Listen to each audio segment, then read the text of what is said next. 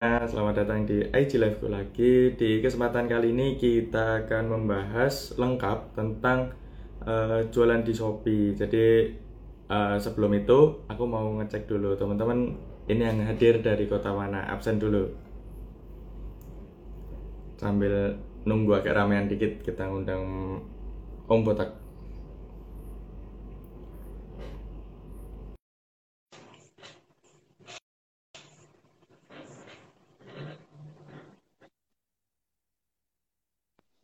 Halo. Aduh. Ya. Selamat sore. Gimana nih Om? Kabarnya? Baik, baik. Om, suaranya agak pecah ya, Om ya? Suara saya. ya? Suara Ah, saya. mendingan, mendingan. Mendingan, mendingan. Udah mendingan. Oke. Oh ya, siap siap. Kita tes ke audiens dulu. Siapa tahu suaranya emang agak bermasalah. Aman ya, suaranya aman ya? Teman-teman bisa bantu kabarin ya. eh, suaranya udah jelas apa belum? Di saya apa di Om Botaknya kayak gitu. Sip, sip. Ini di mana nih Om? Di rumah? Iya, di rumah, di rumah. Di rumah aja gitu. Mantap. Tadi sore-sore ini sambil nunggu waktu berbuka, teman-teman kan masih agak lama, jadi kita sedikit lah apa belajar dari Om Bot tentang Shopee sendiri. Nah, Om, eh, mungkin ini mungkin aja sih, harusnya sih enggak. Mungkin sebagian dari penonton ini 26 ini ada yang belum kenal Om Botak. Jadi bolehlah Om kenalan dulu. Boleh, boleh. Thank you Om udah diundang ya sama Om yang paling beken ini yang endorse banyak. Saya saya banyak belajar dari Om Faisal ya. Jadi ya. eh, nama saya Om Botak ya. Eh, punya dari channel cerita Om Botak ya kita ada jualan online dari tahun 2011 sudah 10 tahun jualan online di marketplace khususnya. Di saat ini punya beberapa toko ya tapi yang eh, salah satunya itu adalah tokonya Om Botak sendiri Om Botak Shop ya. Kalian bisa cari di Tokopedia di Shopee di mana aja eh, ada ya. Dan juga kita ada eh, brand payung payung Tabasa. Itu Hmm. juga punyanya kita ya dan toko-toko lainnya tapi eh, silakan follow ya buat teman-teman mau di YouTube boleh cerita Botak atau di Instagram, Twitter, TikTok kita ada. Ya. Spotify juga. Mantap. Komplit ya. Komplit. Itu timnya mesti udah banyak banget sih. Enggak. Ya, ya. Masih tim kecil, Jadi- tim kecil gitu, tim kecil.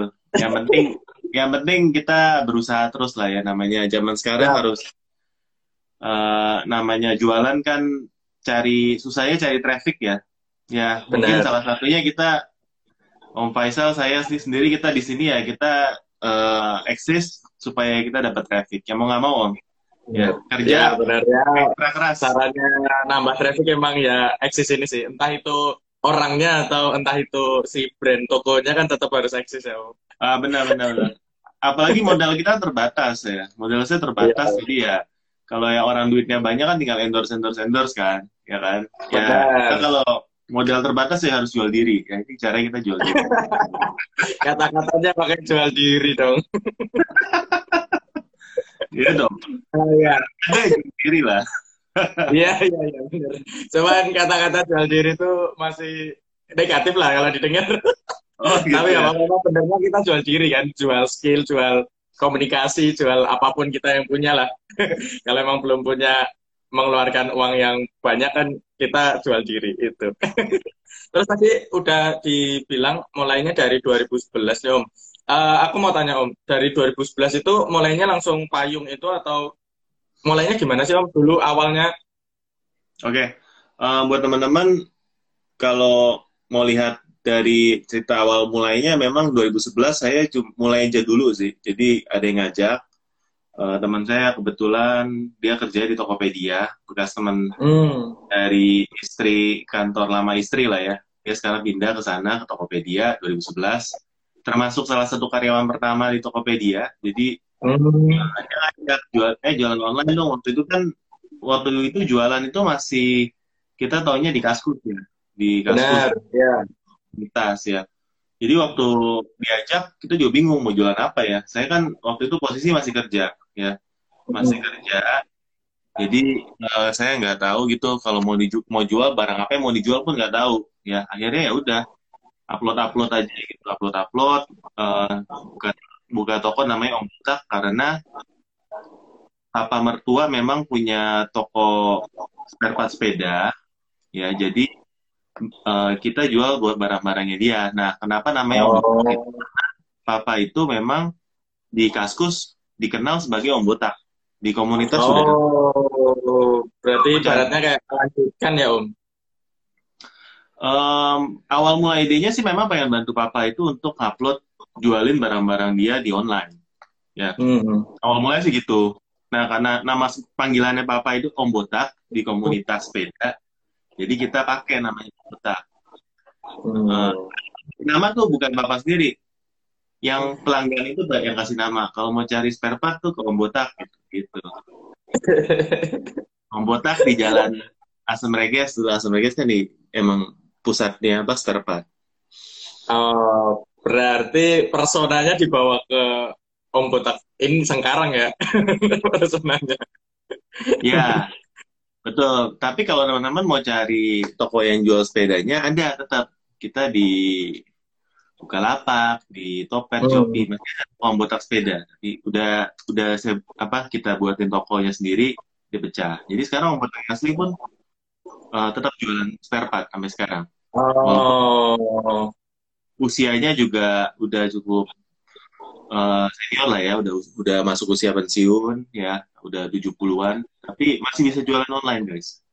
Jadi nggak hmm. ada alasan sebenarnya kalau yang masih bilang uh, udah apa udah buka lagi atau apa ya saya yakin dengan kemudahan sekarang siapa bisa jual ya iya tergantung mau enggaknya sih ya pak ya om gitu mm. ah, terus karena kita ini temanya juga si Shopee itu kan latar belakangnya karena memang Shopee kalau ya kita nggak bisa menutup mata Shopee itu di Indonesia banyak banget yang pakai gitu kan ya om. Mulai dari penggunanya yeah. apa uh, ataupun penjualnya. Karena kan ya ada penggunanya di situ berarti penjual juga tentunya akan masuk banyak kayak gitu. Ikut-ikutan orang-orang lah. Orang-orang lihat oh sukses ya di Shopee bisa omset gede-gede dan lain pada ikut-ikutan kayak gitu kan. Dan setelah pada ikut-ikutan beberapa minggu nggak ada hasil mereka ya ada yang nggak mau lanjutin ada yang bingung ada yang gimana gimana makanya kita uh, sekarang tujuannya yeah. ingin membahas gimana sih uh, di Shopee itu nah menurut Om Botak uh, Shopee yang dulu sama Shopee yang sekarang tuh perbedaannya apa aja, Om, yang paling signifikan lah? Wah, kalau ngomong dulu tuh dulunya kapan ya, Om ya? Saya kan udah jualan dari pertama dulu kali awal Shopee. mulai aja. Awal mulai ya 2015 kita ada jualan di Shopee. Uh, dia memang dari pertama brandingnya adalah free ongkir. Jadi hmm. itu kita kirim ke Papua juga free ongkir. Ya kita pernah kirim stiker ke Papua. Stikernya harganya 2000 free ongkir seratus ribu buat. Jadi waktu itu kita jualannya nggak ngarep dari nggak perlu ngarep dari profit dari barang tapi profit dari cashback ongkos kirim karena yang hmm. jauh-jauh pasti seperti ya, dulu tuh cashback uh, dapat 35 persen om kadang. Dari ekspedisi. Ya, jadi lumayan uh, cuannya itu dari dari cashback pengiriman. Kalau sekarang sih jangan ngarep. Oh. Sekarang sih pahit. Cashback cashbacknya udah sama syarat lah ya. Jadi karena semua cashless semua udah cashbacknya udah udah udah nggak ada. Ya padahal zaman dulu tuh kita mungkin harapannya jualnya bisa jual modal ya profitnya dari cashback nah itu perbedaan zaman hmm. sekarang sekarang masih bisa dapat cashback tapi kecil sekali pasti itu udah nggak worth lah ya hmm. bilang perbedaan yang lain ya saya rasa dari jumlah penjual ya pastinya ya selama pandemi ini uh, naiknya kan gila-gilaan yang jual ya mungkin karena benar. banyak yang susah ya masih terkena kondisi kerjanya itu kena terkena dari efek pandemi ini jadi mm-hmm.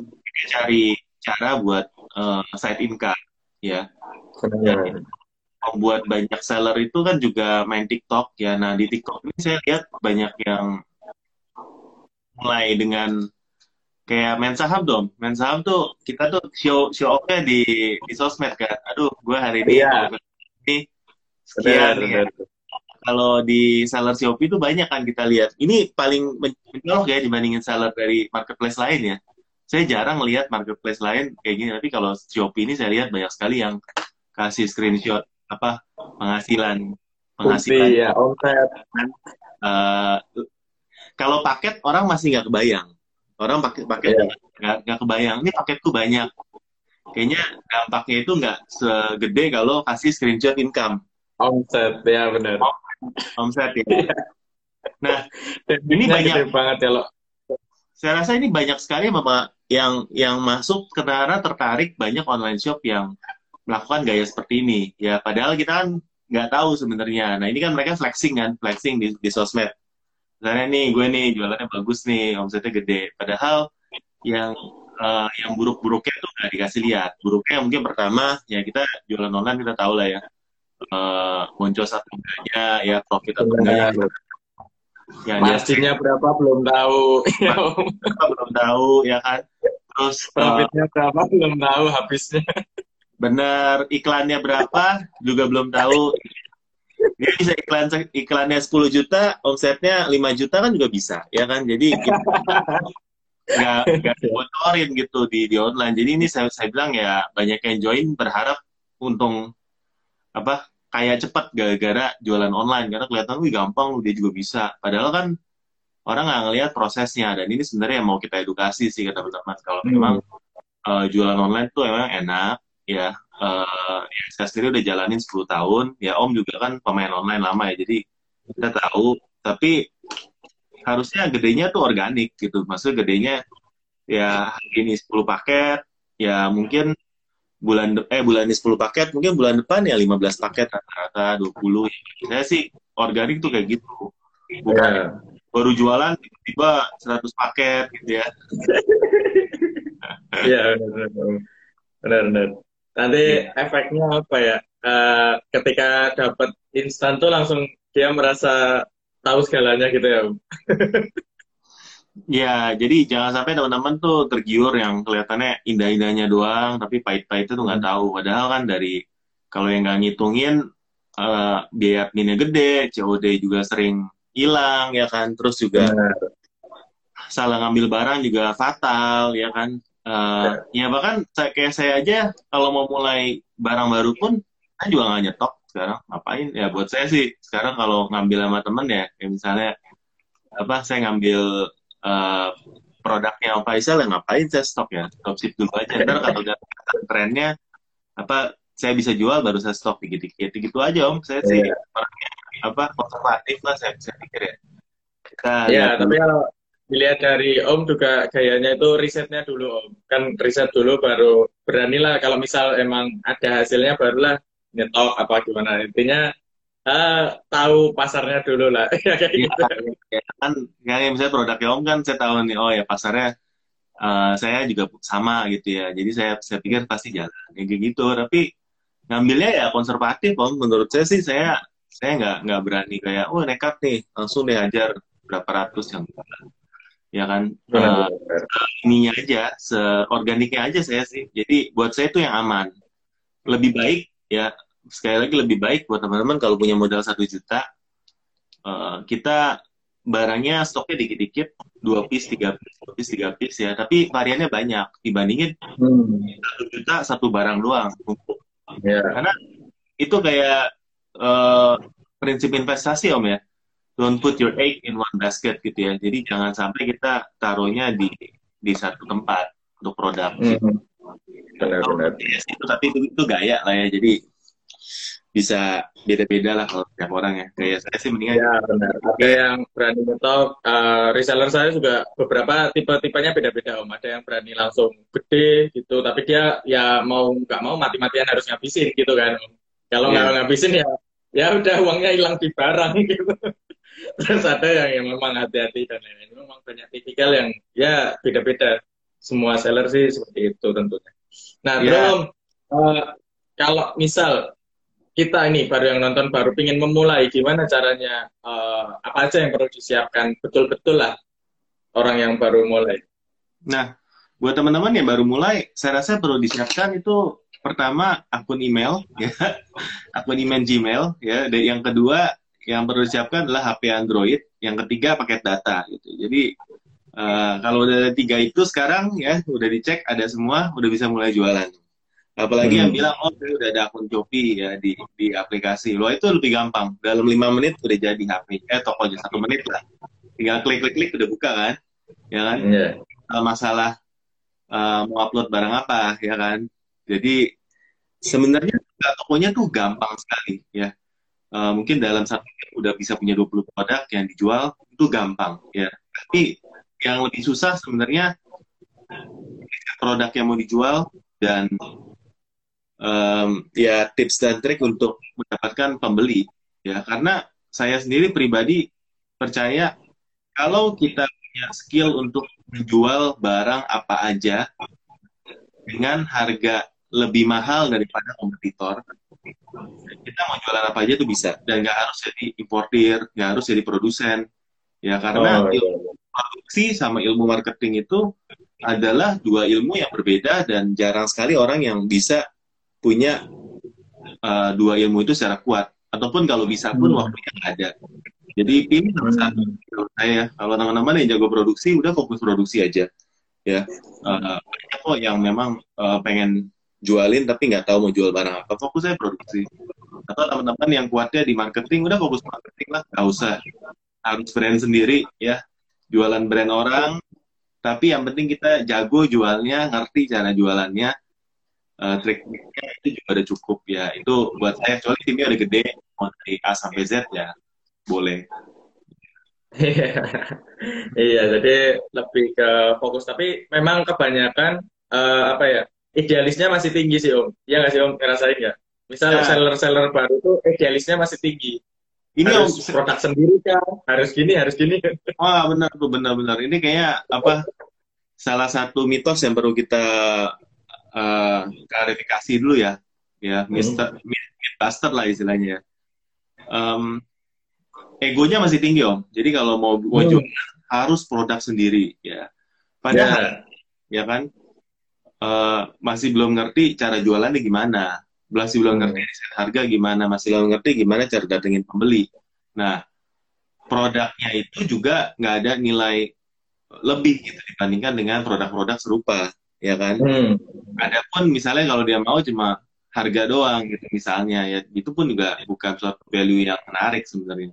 Jadi um, ya ini saya rasa kesalahan newbie itu banyak kan seperti itu sih mau jualan produk sendiri saja di tokonya. Jadi pro tokonya itu karena modalnya terbatas, kelihatannya sepi. Barangnya cuma ada satu atau dua. Mau jual barang lain. Nah, kalau kayak gitu hmm. tokonya grafiknya jadi nggak ada. Karena nggak ada yang tertarik beli barangnya sendiri. Ya ini ini fakta yang menyakitkan, tapi barang lu nggak menarik gitu. Belum ada reviewnya. Uh, iya. Ya, walaupun sama persis seperti yang ditawarkan, tapi mereka lu nggak dikenal. Mendingan hmm. ya jual di kategori yang sama, merek yang laku, ambil margin tipis nggak apa-apa, jual barang orang nggak apa-apa, yang penting kan dapurnya ngebul gitu. Yang penting kita bawa yeah. traffic. Ya. Yeah. Benar, ya itulah pokoknya uh, macam-macam beberapa orang yang masih idealisnya yang paling menyakitkan adalah nisnya harus yang dia suka gitu. Maksudnya nisnya harus itu banget. Padahal itu kalau diusahain di marketplace masih susah gitu loh untuk saat ini. Karena mungkin seller-seller udah banyak uh, terus uh, harga juga kompetitif ya. Dan gitulah idealis ya, ya, orang. Nah, nah tapi menarik sih om. Biasanya kalau yang mau mulai itu biasanya anak kuliahan ya. Mau jualan apa? Distro baju. Jualannya apa ya benar nah itu kalau dari om uh, apa ya hal-hal poin-poin apa yang perlu dipersiapkan sih untuk orang baru selain mencari supplier atau apa pun itu Om?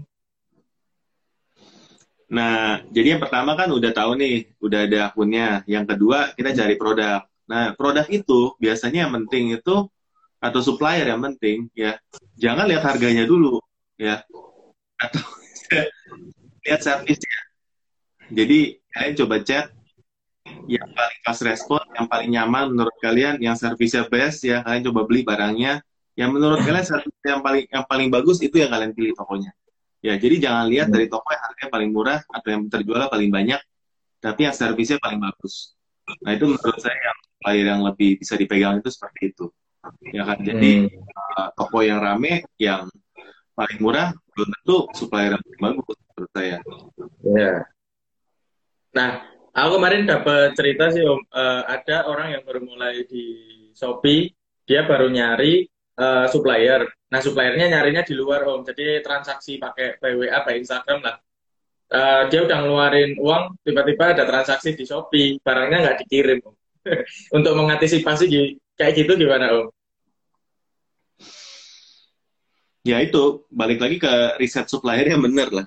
hmm. saya sih terus terang supplier saya tuh jarang sekali yang saya nggak kenal. Biasa saya hmm. udah ada hubungan pribadi dulu, saya udah kenal orangnya, kelihatannya bisa dipegang, yang yang lokasinya itu dekat, kalau bisa.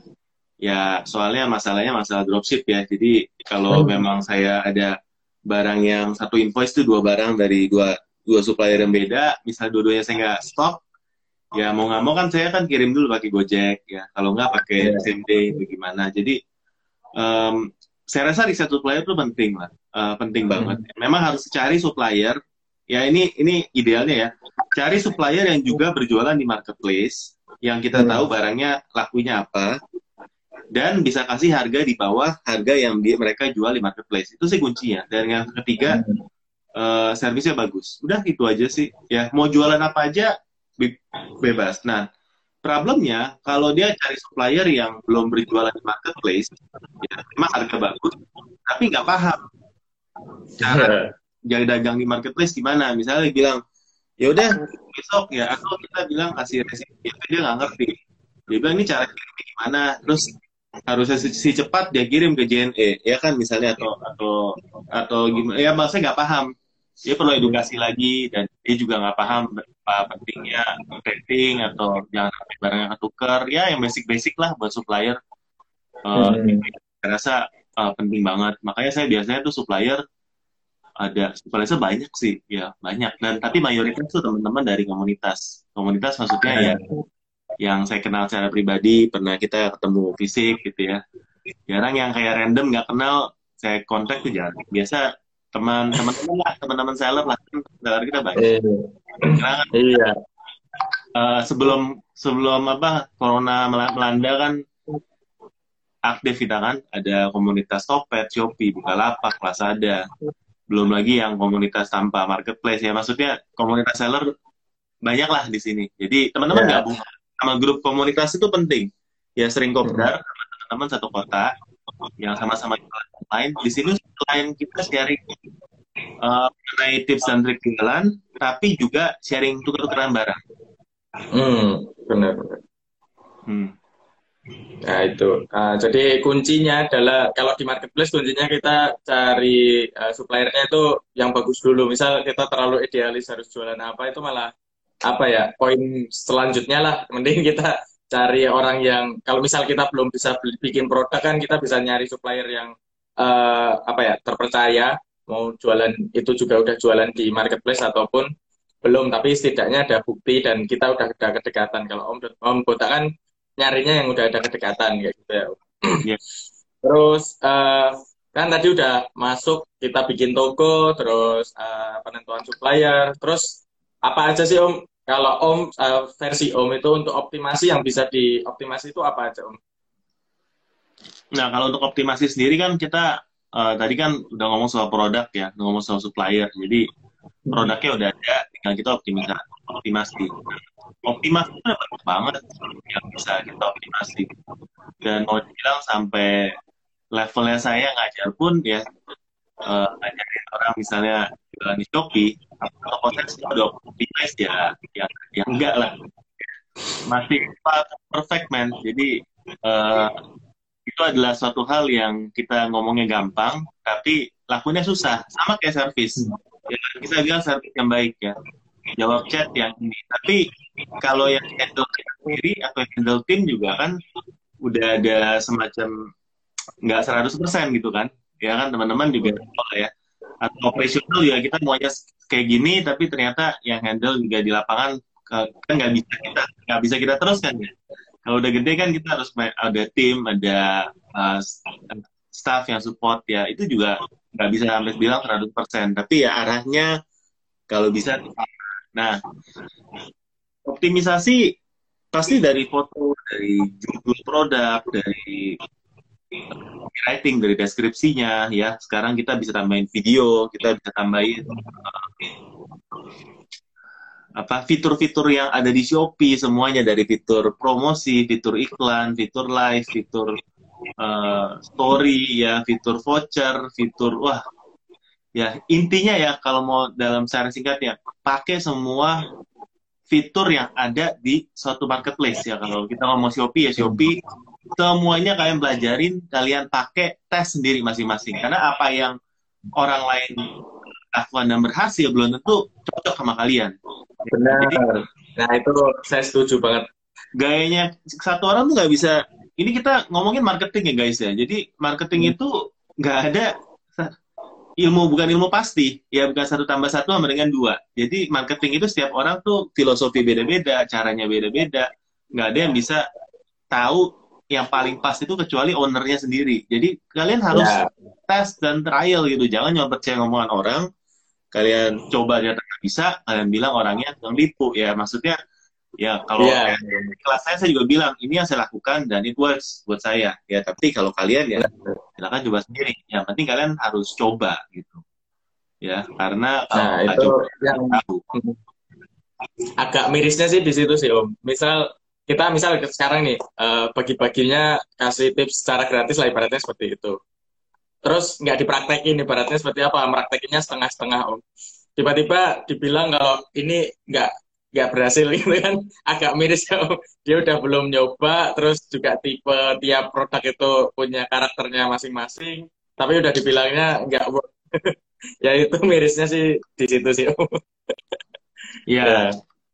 Jadi kayak misalnya ngiklan ya om ya kalau kita mau lihat ya pertanyaan paling banyak kan biasa ngiklan kenapa karena ngiklan itu di mana orang yang paling flex itu di di ngiklan ya flexing lah ya istilahnya jadi uh, kalau orang iklannya itu berhasil banget, dia bilang nih ini nggak boncos gitu ya. Kan orang biasanya tuh sangat sangat tertarik ya soal iklan. Nah ini juga harus diperhatikan ya guys ya. Uh, diperhatikannya seperti apa? Ya perhatikannya dari filosofi tokonya. Jadi toko itu kalian sukanya itu yang marginnya tipis tapi kuantiti banyak atau yang marginnya tinggi tapi kuantiti dikit ya karena ya, toko yang bisa marginnya tinggi artinya tinggi juga jarang ya kalau ada boleh tahu dong barangnya apa saya juga barang yang yang brand, brand, brandingnya bagus kalau yang kuantiti tinggi marginnya tinggi tapi kalau kita main barang FMCG main barang umum ya itu biasanya ketakar lah ya berapa ya. Uh, jadi seperti itu ya. Orang yang mau ngiklan harus lihat gaya iklannya kayak gimana. Kalau teman-teman yang marginnya tipis, jangan kali-kali kalian ngadu sama orang yang iklan tapi marginnya gede karena kalian akan boncos. Ya, ya, ya. Bagi si A, si marginnya gede, iklan segitu nggak boncos ya, Om. Tapi nggak kita boncos. marginnya tipis, iklan segitu tuh udah habis ya. Untungnya pun nggak ada ya lu, lu ikutin deh lu ikutin.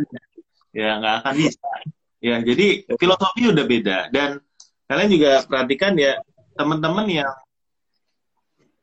yang biasa main murah ya yang biasa main murah dengan margin tipis atau yang biasa main mahal dengan margin tinggi itu nggak bisa tiba-tiba dia jual produk yang baliknya karena seluruh hmm. ganti ya, ya semua sistemnya itu kan berpacu sama uh, filosofi dari toko itu kan. Misalnya nih, ya ada ada orang yang biasa main-main mahal, uh, terus kuantitinya juga sedikit. Tiba-tiba dibilang, ah, gue pengen yang ini trafiknya tinggi, jualan barang murah deh. Nah, bocor sih barang murah karena dia biasa kasih servis yang bagus dan packingnya juga bagus dan lain-lain itu pasti bocor. Jadi iklannya mungkin lebih lebih bocoran pasti bocor gitu jadi teman-teman itu agak susah sih ngomongin soal hmm. itu ya benar-benar Om ini ada yang tanya nih Om saya penjual Shopee udah 12 ribu k follow eh 12 ribu follower uh, tapi kenapa sekarang Shopee turun penjualannya ya Om? Ong, uh, karena ongkir nggak bisa pilih nominal seperti itu. Apa ini maksudnya? Uh, iya. Menurut saya. Karena uh, ongkir nggak bisa pilih nominal. Saya sih nggak percaya hal itu ya. Saya nggak percaya ongkir orang nggak bisa milih ongkir itu membuat penjualan kita makin sepi ya. Adanya juga hmm itu juga hanya alasan buat kita supaya memaklumkan kalau kondisi sales kita turun. Nah, sebenarnya kalau kondisi salesnya turun, yang harus disalahin tuh kita sendiri ya sebagai owner, sebagai bos kita yang salah. ya kan, jadi kita nggak bisa cari kami hitam karena Shopee kayak gini, sales kita turun gitu. Ya menurut saya uh, tanya aja toko-toko yang lain atau yang sama saling sama kompetitor lah ya, kalian search tokonya dia turun nggak? Ya kalau dia dia turun cek lagi ada toko baru nggak? Ya nggak kalau sama sekali nggak ada toko baru which nggak mungkin ya. Mungkin pemain lama semua pada turun karena ternyata banyak toko baru tapi kecil-kecil. Ya jadi kita nggak tahu hmm. sebenarnya. Kalau kalau tanya ke Shopee dia bilang pasti meningkat dari bulan ke bulan salesnya. Nggak mungkin turun. Hmm. ya kan? Teman-teman yang berjualan baju-baju fashion juga bulan ini juga naik. Ya kan omset ya nggak turun kan?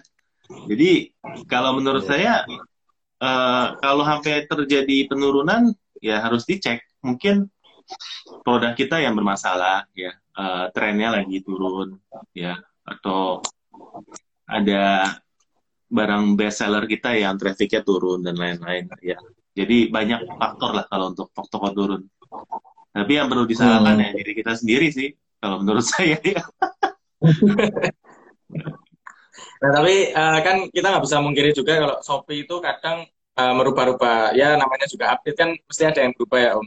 Uh, misal kita terdampak ketika uh, streaming dulu dapatnya 20 packing lah ketika status streaming. Habis itu streaming selanjutnya yang sekarang itu cuma dapat 2 sampai 8 orderan. Apa apa aja yang perlu dicek itu Om? Ya saya saya bukan penjual streaming ya, jadi saya nggak tahu uh, algoritma streamingnya itu kayak gimana sekarang ya. Saya juga nggak tahu habitnya seperti apa. Ya kalian harusnya yang lebih paham lah ya. Um, tapi balik lagi ke basicnya sih, saya rasa cuma satu ya. Kalau kita itu bukan top 5 dalam industri kita, ya harusnya perubahan ekonomi atau perubahan algoritma itu nggak akan mengaruh ke kita. Misalnya kita bilang nih, ekonomi lagi lesu nih ya, nggak ada yang belanja. Ya, kita top 5 ya, kita top 5 ya, kita ngomongin kita ini perusahaan yang oh, gede-gede, ya kita ngomong kayak brand misalnya Indofood, ya kita ngomong ini yang udah menguasai market share-nya sampai berapa puluh persen. Kalau kita bukan mereka, kita cuma misalnya UKM yang jualannya 10 paket sehari, ya untuk naikin jadi 20 paket itu dalam ekonominya lagi lesu pun gampang. Ya, karena 10 naik ke 20. Kalau yang udah jual satu juta paket, mau naikin ke jadi 2 juta, itu agak gampang. Karena kita ngomongin dia oh, udah iya. market share kan, istilahnya udah, udah gede. Udah gede. Ya, justru peluangnya ini ada di teman-teman. Ya, karena buat naikin paket itu juta sekarang. Ya, atau enggak aja sih sebenarnya. Ya, karena kompetisi apalagi yang berperang secara harga udah pasti ada ya. Mau jualan di offline mau jualan di online ya kita cuma memindahkan persaingan dari offline ke online sekarang ya. jadi yang namanya kompetisi harga sudah pasti akan ada selama kita jualan. Hmm, Terus ini oh, ada nanya juga nih, uh, kalau misal dia masuk ke Shopee tadi karena habis nonton ini, habis itu dia bikin Shopee, gimana caranya menaikkan trafficnya? Karena pertama kan otomatis orang pengen uh, gimana caranya toko kita diketahui dulu lah om. Nah itu gimana menurut om? Cara menaikkan traffic uh, sebenarnya orang biasanya langsung bilang iklan ya.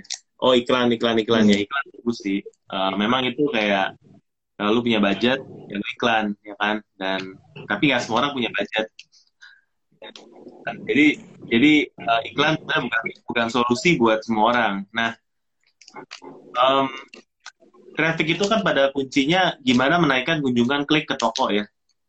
Yang paling banyak orang-orang nggak lakukan sebenarnya adalah di riset produknya sih sebenarnya. Ya. Hmm. Nah, riset produk seperti apa? Ya, riset produk itu adalah jualah barang yang dicari orang, tapi yang jual sedikit. Hmm. Ketika kita bisa menemukan barang itu, saya rasa produk kita tanpa iklan itu trafficnya pasti naik. Ya. Mau mau contoh spesifik ya, kali ya. Tadi kan saya posting soal ini amplop THR ya yang ya, ada. Ya, itu tadi saya juga nggak tahu yang jual siapa. Saya dapat videonya dari grup-grup ya.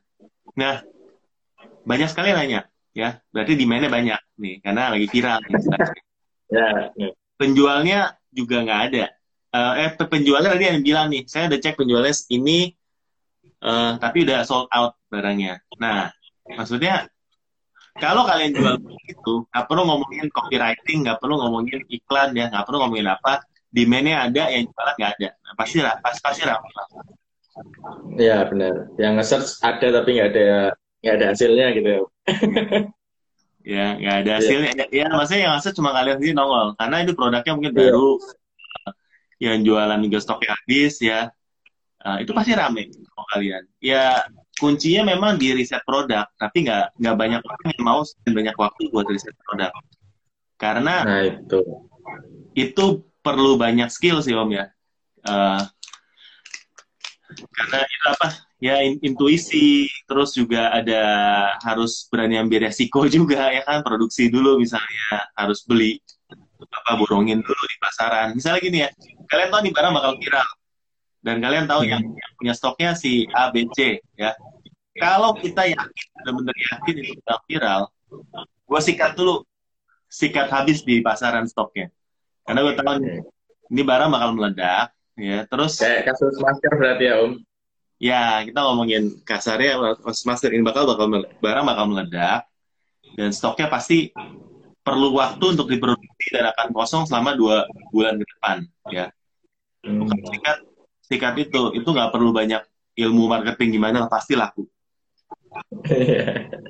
benar benar benar ya karena ya main supply and demand ya uh, prinsip ekonomi ya kayak gitu itu kalau ya, ada demand ya kita ya. demand nah tapi kalau kayak gitu kan ya kita kalau ngomong masker sensitif ya. Tapi kita ngomong barang-barang lain lah.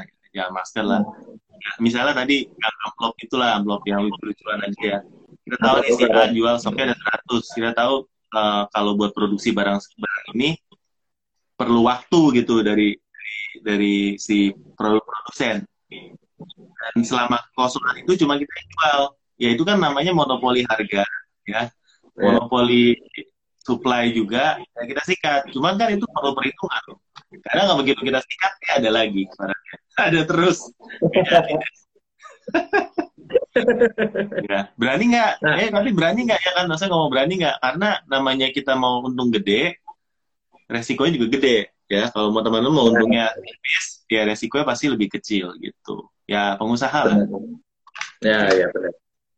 Nah, terus Om, misal kita tadi pakai prinsip yang uh, Om tadi bilang, katakanlah uang punya satu juta, tapi beli beberapa produk, beberapa jenis lah, disimpan stoknya mungkin satu-satu aja, contoh Nah, misal ada satu produk itu nggak laku tuh, maksudnya ya turun lah uh, penjualannya. Ya. Itu solusinya gimana Om? Apakah di rebrand dari segi tokonya harus di-up lagi atau covernya ganti apa gimana Om? Tergantung nih, kita masih mau jualan tuh barang atau enggak. Kalau mau jualan hmm. tuh barang ya mungkin kita harus mikirin di apa deskripsi dibagusin ya kan videonya dibagusin fotonya dibagusin coba kita pikir-pikir lagi gimana caranya supaya membuat produk ini menarik. Kalau udah nggak mau jualan ya diskon aja jadi ribu asal jadi duit sih. Nggak nggak nggak pusing kalau udah kayak gitu. Yang benar, benar. Ya, yang penting jadi duit. Mau duitnya berapapun nggak. Soalnya yang lebih mahal itu adalah semangatnya. Jangan sampai kita patah semangat karena gara-gara nggak ada hasil ya soalnya kalau yang udah patah yang yang hilang semangatnya itu yang susah dicari kan kita nggak bisa beli semangat ya. Yeah. oh, bisa dicari kan?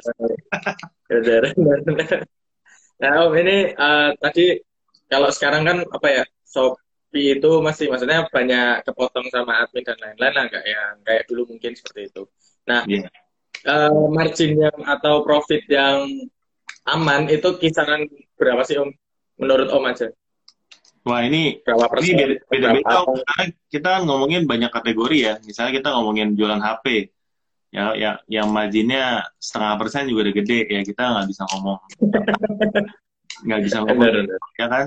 Sedangkan kayak kita jualan buku ya marginnya ya normal ya.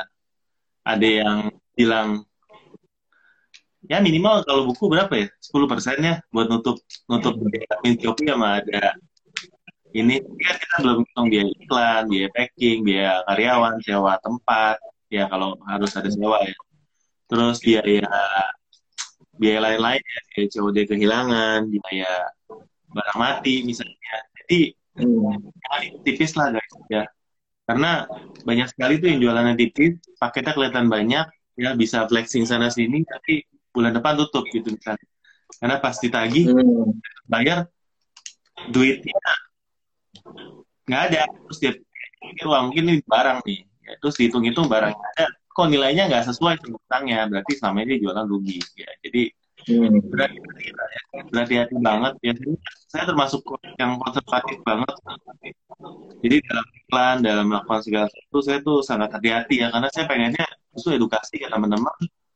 Supaya jadi seller yang lebih baik gitu. Karena jualan itu nggak mudah guys ya. Dan kalau teman-teman berasa online itu kayak solusi satu-satunya nggak juga ya.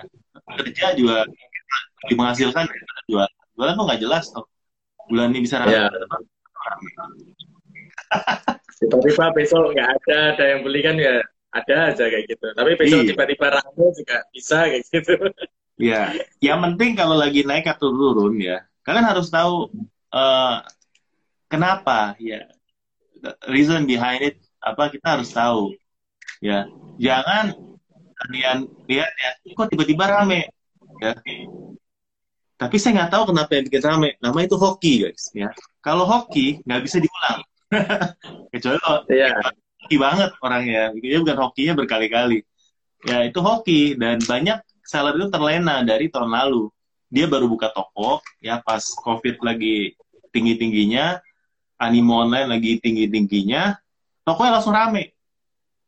Nggak pakai ngiklan, nggak ada apa-apa langsung rame ya. Habis itu kan langsung turun-turun-turun kan. Kita juga yang jualan Iya. lama tahu ya turun-turun-turun. Tapi memang angkanya itu mungkin ya lebih tinggi lah daripada zaman dulu sebelum corona ya tapi tetap turun Hmm. daripada puncaknya ya kan kan sepi bingung ya jadi kalau teman-teman yang jualan tiba-tiba rame tapi nggak tahu kenapa berhati-hatilah itu nggak akan selamanya Iya. nggak menurut saya tapi kalau kita tahu kenapa kita rame oh ya rame karena gue iklan. Ya oh itu bagus. Nah, kedua rame karena memang gue dari set produk produk ini memang nggak di oh itu bagus. Tahu rame kenapa. Nah kalau kita tahu kan nextnya kita membuat rame lagi kan bisa. Karena kan kita udah ada ilmunya ya kan? Jadi jangan sampai Iya. kita rame tapi nggak tahu. Nah sepi pun kita harus tahu kenapa kita sepi. Ya kalau kita ada bisa analisa itu nextnya kita bisa pelajarin dan ketika ada kejadian kita ram, eh, sepi kita bisa naikin dengan ilmu itu benar, benar, benar, benar, benar. Ya itu benar banget sih. Maksudnya ya kita harus tahu cara mengevaluasi produk kita. Nggak asal jualannya nggak asal kayak apa ya, Om, eh, ngikutin rutinitas ya, Om. Maksudnya ada katakanlah mentor kasih tahu harus ini, ini, ini, ini. Eh, lupa kalau setiap orang punya kendalanya masing-masing gitu ya. Om. Iya, eh, jadi ya, em, ya hati-hatilah follow apa akun-akun yang motivasi tapi nggak nggak benar gitu kasih taunya ya. Saya saya ini aja edukasi aja ke teman-teman. Jadi jangan terlalu ngejar sampai paketnya harus kayak kayak ini kayak ini ya. Dia kan mungkin pas lagi show off kan pas lagi event ya pas lagi event ya mungkin Benar. jual rugi kan kita nggak tahu. Ya, intinya ya harus berhati-hati aja. Yang penting ya kita selalu ada progres tokonya dari bulan satu ke bulan yang berikutnya. Dan yang kedua yang penting untung ya IPC guys. Yang penting cuan ya kita nggak ya atau ngejar jumlah kiriman ya kita yang penting cuan. Siap, siap, siap. Om ini ada yang nanya Om, Eh, selama ini eh, berapa udah lama ini eh, ngiklannya itu masih pakai ngiklan marketplace aja atau ada source lain? Misalnya pertanyaannya atau pakai FB Ads Om? Kalau Om sendiri? Um, saya terus terang nggak pernah, well gini ya. Saya percaya kalau iklan di marketplace itu jauh lebih murah daripada iklan dari platform lain. Kalau kita berjualannya di marketplace ya guys ya.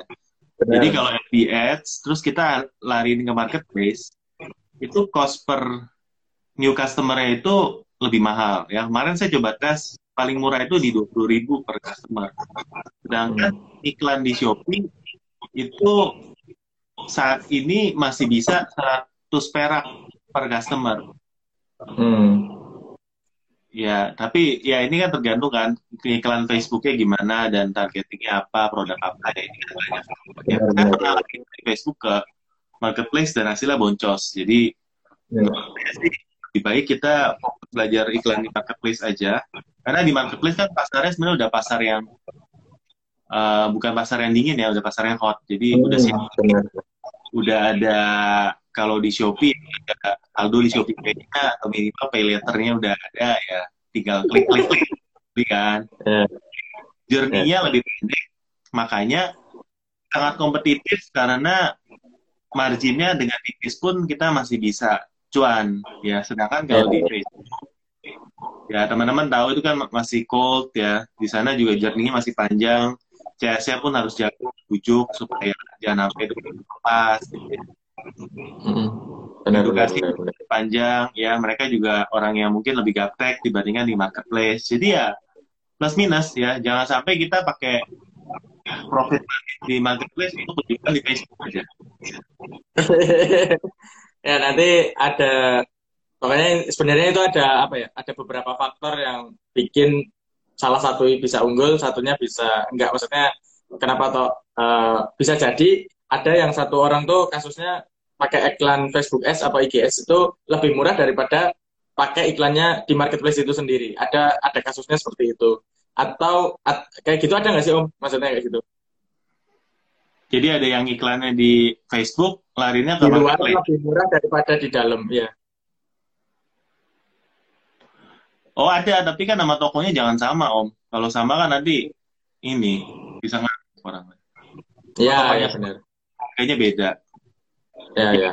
Ini sebenarnya sama kayak dilemanya orang yang punya toko offline, tapi jualan online juga. Ya kan, pas orang datang offline, itu banyak uh, toko yang harganya tuh beda. Karena kan benar, benar, pelayanan ya Om ya. Ya kan?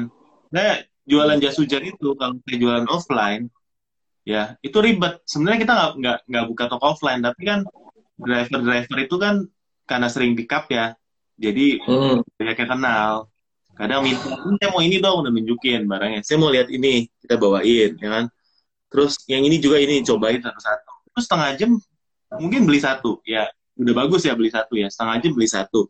Tapi kan kita harus kelipatin lagi beresin temenin dia selama itu kan. Nah coba bayangin kalau yang nemenin itu SPG-nya disuruh balasin di di marketplace ya kan? Cuma balasin ready ready ready doang no orderannya udah lebih dari satu. Ya, ya benar benar. Itu benar. Ah. Benar juga sih ya. Uh, Terus gini Om, apa namanya?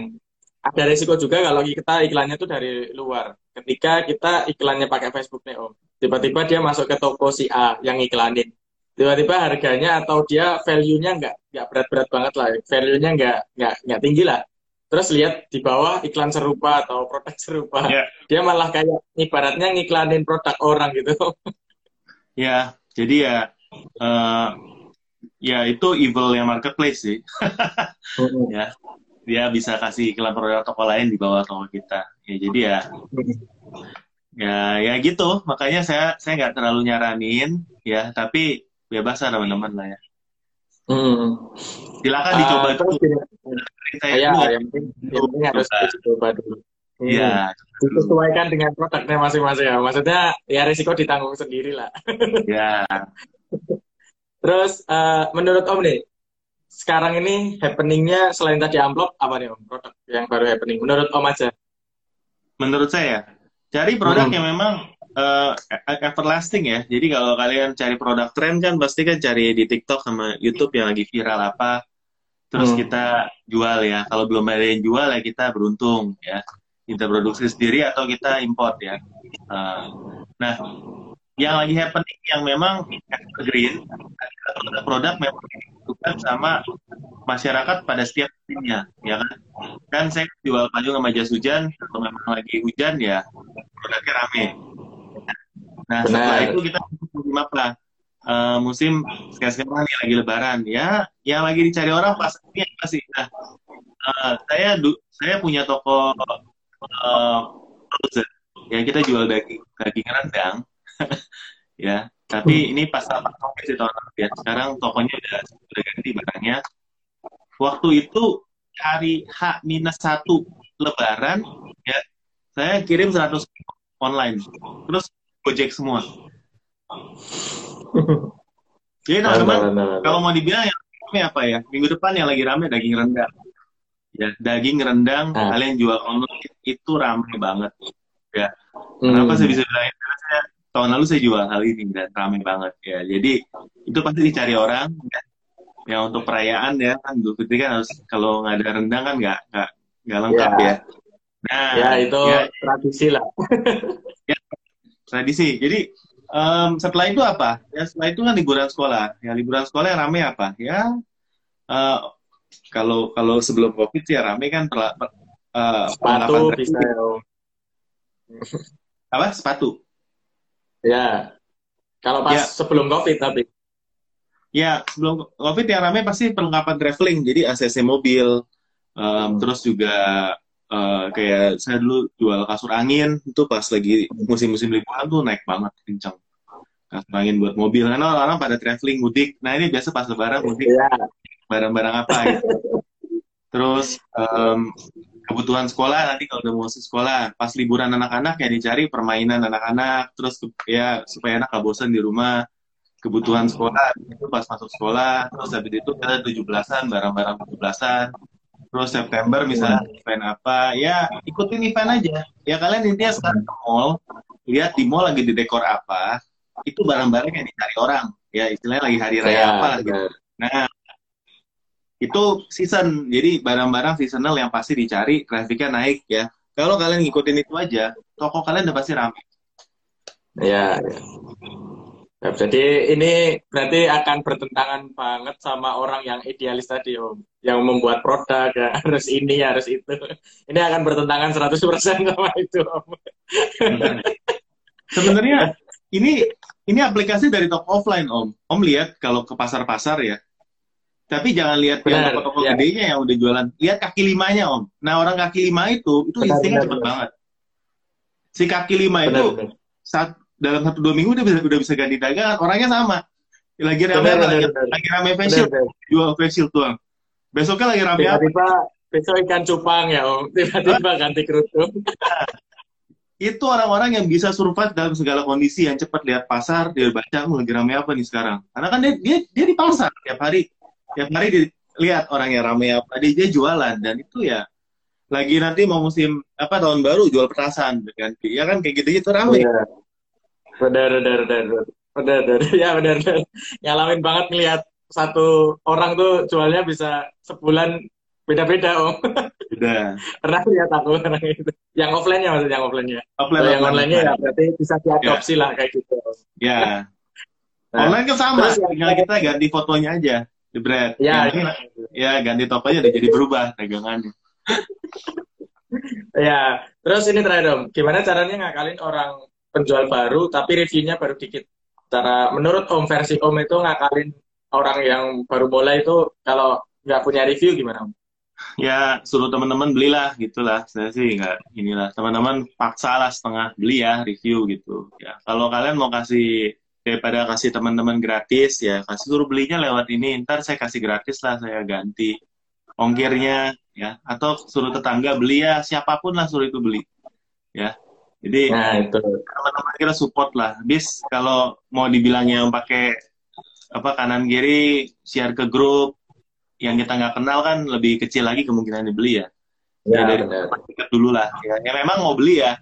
Yang benar-benar Ya. dia beli ya suruh beli di sana Ya, makanya jual barang-barang yang memang dibutuhkan orang pada musimnya. Itu harusnya cari pembeli nggak susah. Ah iya iya, kayak mantel gitu ya, Om. maksudnya kalau buat temen sendiri, saudara sendiri ya pasti butuh mantel sih ya, Om. kayak gitu Hmm. payung, mantel. Hmm. itu udah pemilihan produk yang tepat banget sih. Maksudnya nyuruh temen kalau mau beli itu kan, ya siapa sih yang nggak mau gitu kan, 90% pasti mau kan, beli mantel sama payung. Ya gitu sih Om. Eh, ini udah mau satu jam ya Om, dan udah pada persiapan buat mau buka mungkin kan udah jam 4 dan di sebagian daerah kan udah jam 5 juga. Jadi terima kasih Om Botak udah mau share di tempat saya. Sama-sama. Semoga bermanfaat buat teman-teman tentunya yang melihat ini dan teman-teman bisa follow akunnya Om Botak kalau mau belajar khusus tentang marketplace karena di tempatku tidak dibahas tentang marketplace. Jadi silakan follow punya Om Botak. dan teror di DM-nya aja mau tanya-tanya apa terserah lah. gitu. Terima kasih Om. Uh, sehat-sehat dan sukses selalu untuk cerita Om Botak. Sampai jumpa di pertemuan berikutnya. Terima kasih. Assalamualaikum.